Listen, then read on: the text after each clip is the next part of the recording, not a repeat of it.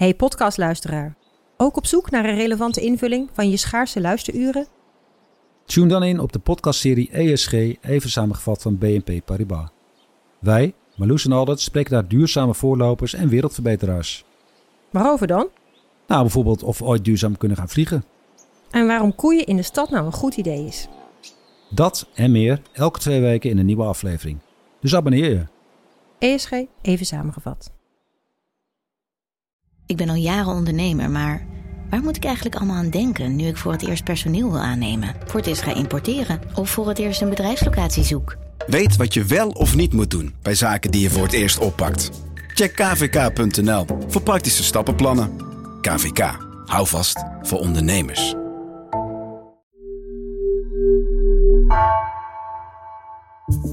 Vanaf de redactie van NRC het verhaal van vandaag.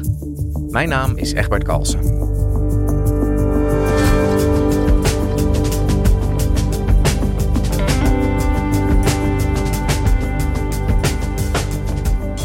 Mensen zonder papieren kunnen in Nederland niet onvoorwaardelijk rekenen op basisvoorzieningen als bed, bad en brood. Ze hebben geen verblijfsvergunning, de overheid doet niets meer voor ze, en dus verblijven ze vaak op straat. Politiek redacteur Wafa Al-Ali sprak met een van deze ongedocumenteerde mensen en ze zag dat strengere regels niet tot meer terugkeer leiden.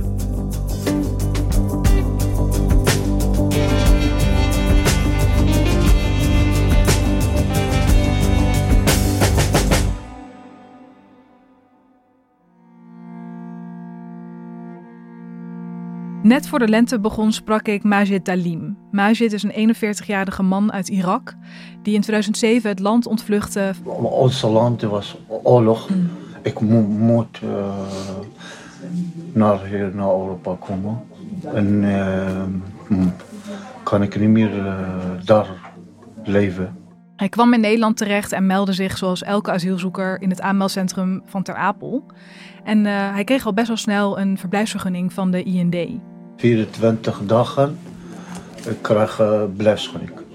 De meeste asielvergunningen worden voor vijf jaar afgegeven. En toen hij zijn vergunning in ontvangst had genomen, verhuisde hij naar een eigen woning, leerde de Nederlandse taal en vond op een gegeven moment ook werk.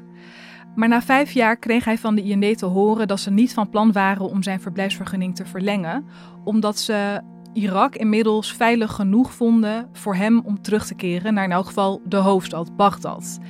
Maar hij wilde helemaal niet terug en ging in beroep bij de rechter tegen het besluit van de IND. Maar de IND bleef volharden. Papieren zou hij niet meer krijgen. En uiteindelijk heeft de rechter geoordeeld dat Majid ook niet gedwongen kan worden uitgezet. Hun zeggen, wil jij terug naar Irak, maar was niet verplicht. Omdat uh, volgens Nederlands beleid mag je mensen zonder Irakees paspoort niet gedwongen uitzetten naar Irak. Dit betekent dus dat Majid tussen wal en schip valt. Want hij mag aan de ene kant niet blijven in Nederland, maar aan de andere kant kan hij ook niet gedwongen worden teruggestuurd naar Irak.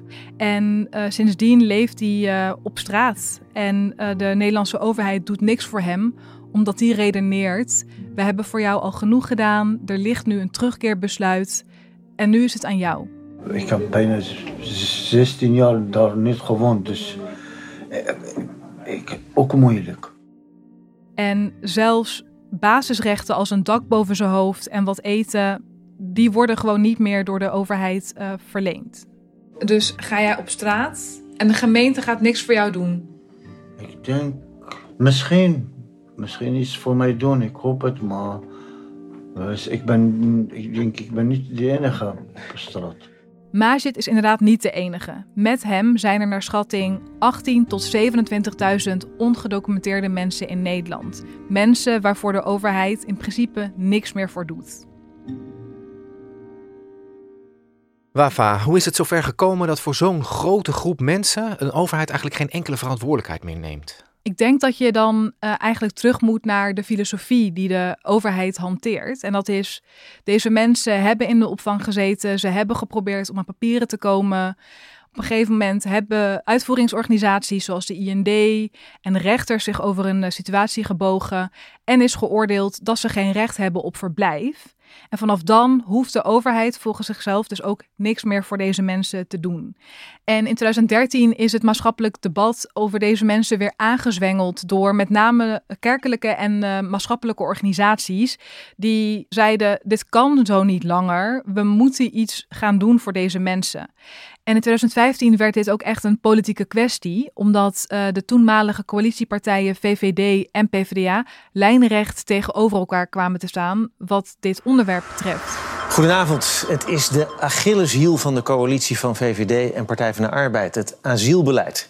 Gisteren sloeg onverwachts de vlam in de pan. De vraag of Nederland minimale opvang moet geven aan afgewezen asielzoekers leidde tot een hevige botsing tussen de regeringspartijen. VVD wilde uh, in navolging van het landelijk beleid niks doen voor deze mensen.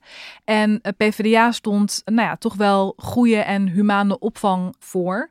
Omdat ze redeneerden, die mensen zijn hier toch al. Dus zijn ze de verantwoordelijkheid van de autoriteiten. En er dreigde een kabinetscrisis hierom. Ja, dat was de, de bed-bad-broodcrisis destijds volgens mij, toch? Of niet? Inderdaad. Maar die werd beslecht dankzij een uh, akkoord. Het kabinet is eruit. Na een week onderhandelen is er een nieuwe regeling voor uitgeprocedeerde asielzoekers in ons land. En die kunnen terecht in de vijf grootste steden onder voorwaarde dat ze meewerken aan hun vertrek.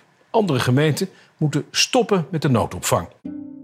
En in 2019 lanceerde het Rijk in samenwerking met nou ja, een aantal uitvoeringsorganisaties, maar ook met weer vijf gemeenten een pilot. En die noemen ze de landelijke vreemdelingenvoorzieningen. En dat houdt in dat uh, in die vijf gemeenten een soort van uh, ja, opvanglocatie wordt gecreëerd voor mensen zonder papieren. En het idee achter deze pilot is dat mensen zonder papieren dan uh, even kunnen landen in zo'n locatie, tot rust kunnen komen en dan na gaan denken over een mogelijke oplossing. Dus of mensen keren terug naar het land van herkomst, of ze reizen door naar een ander land, of er wordt alsnog gekeken of hun verblijf gelegaliseerd kan worden.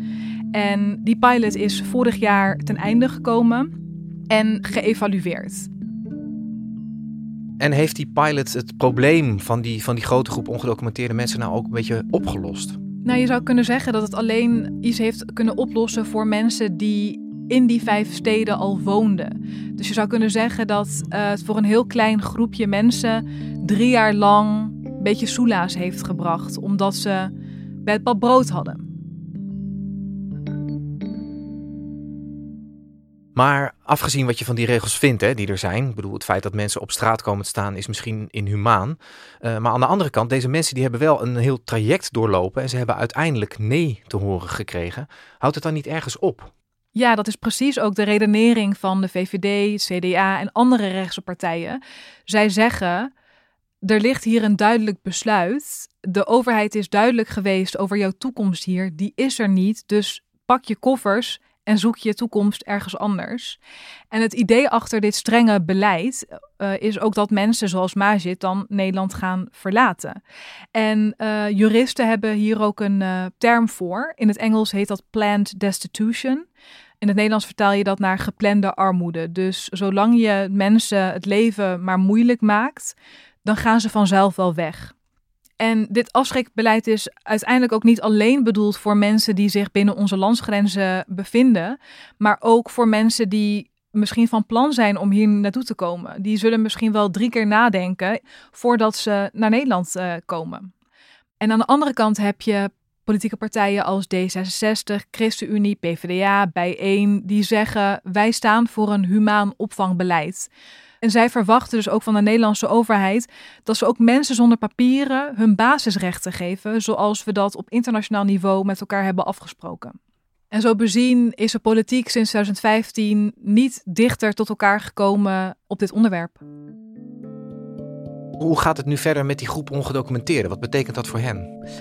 Het huidige kabinet heeft in het eh, regeerakkoord afgesproken dat die pilot, landelijke vreemdelingenvoorzieningen, over het hele land uh, moet worden uitgerold. Met terugkeer naar het land van herkomst als um, enig doel. Dus dat betekent dat wie aanspraak wil maken op bedbad brood, duidelijk moet maken van tevoren dat hij zal mee gaan werken aan zijn eigen terugkeer. En dat is best wel opvallend, omdat in de pilot waren er dus drie mogelijke oplossingen. En nu brengt het kabinet dat naar één oplossing: terugkeer.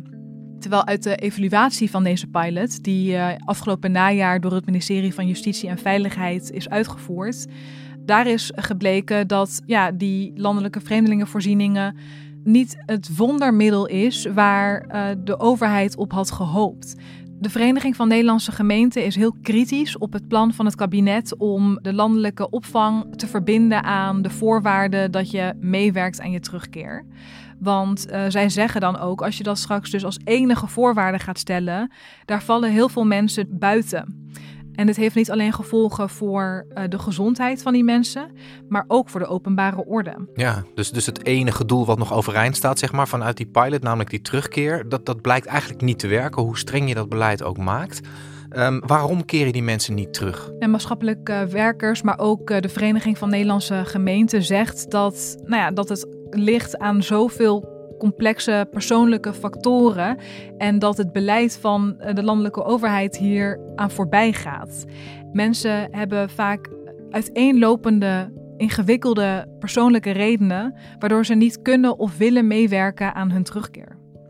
En dit zegt ook uh, Lisbeth Melsen. Ik ben Lisbeth Melsen en ik ben coördinator van het Wereldhuis sinds 2018. Dat is een ontmoetingsplek in Den Haag, waar ik Majid ook gesproken heb een ontmoetingsplek voor mensen zonder papieren. En het is een uh, initiatief van de Protestantse Kerk in Den Haag. Wij willen helpen waar geen helper is en waar de gemeente, de overheid, andere organisaties tekortschieten.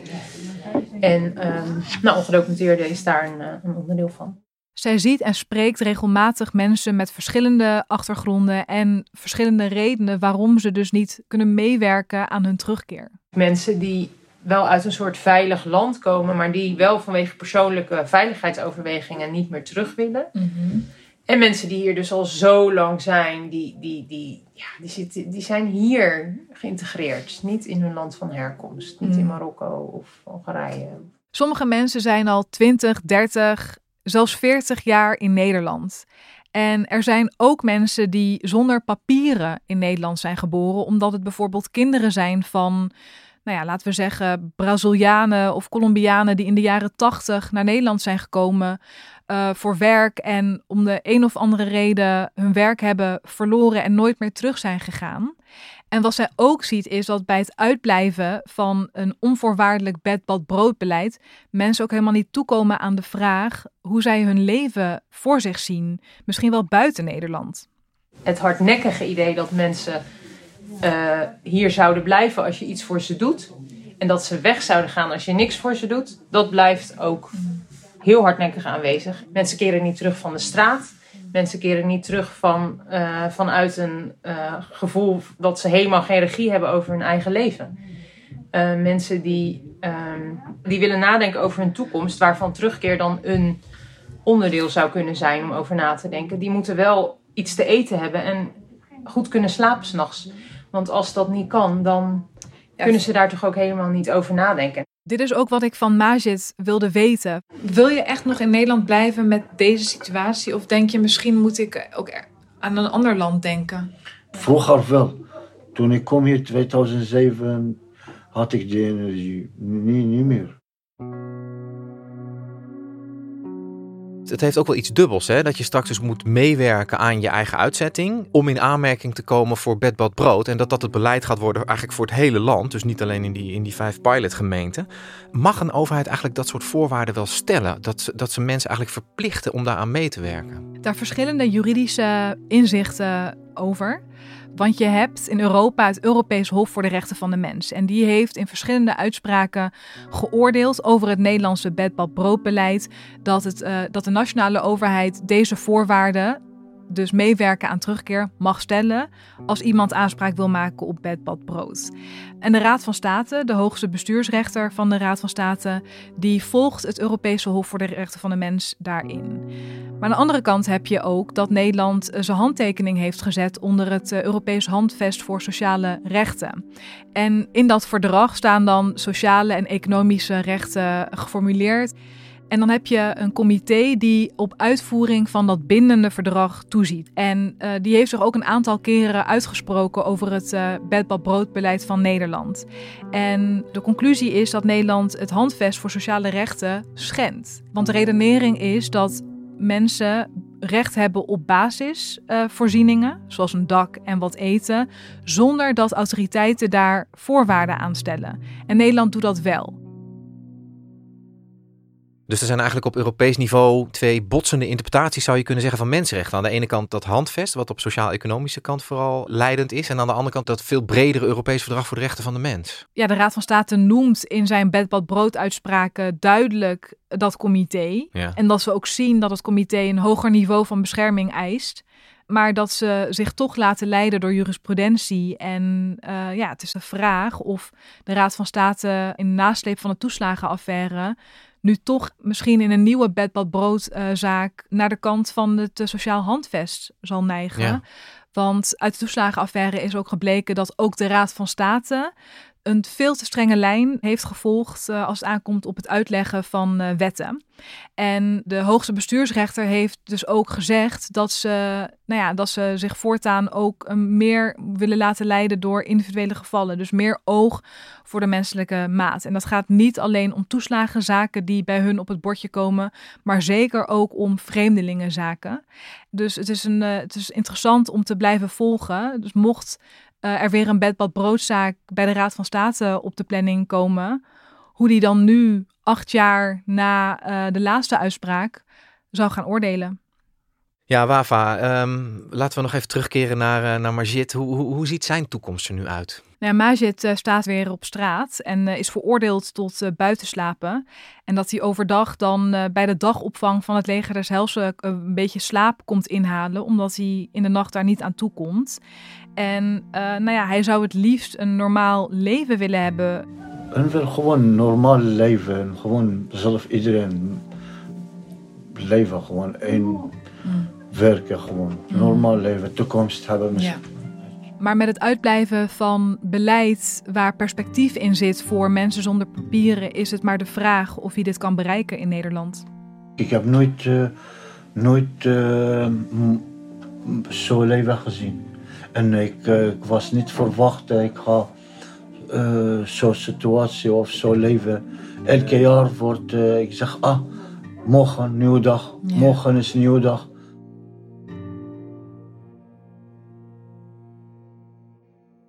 Dankjewel, Wafa. Graag gedaan.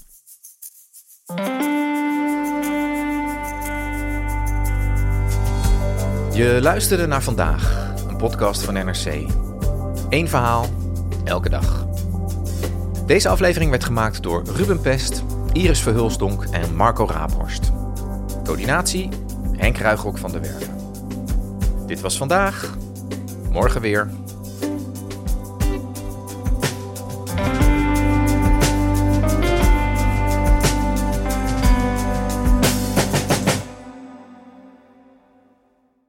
Technologie lijkt tegenwoordig het antwoord op iedere uitdaging. Bij PwC zien we dit anders.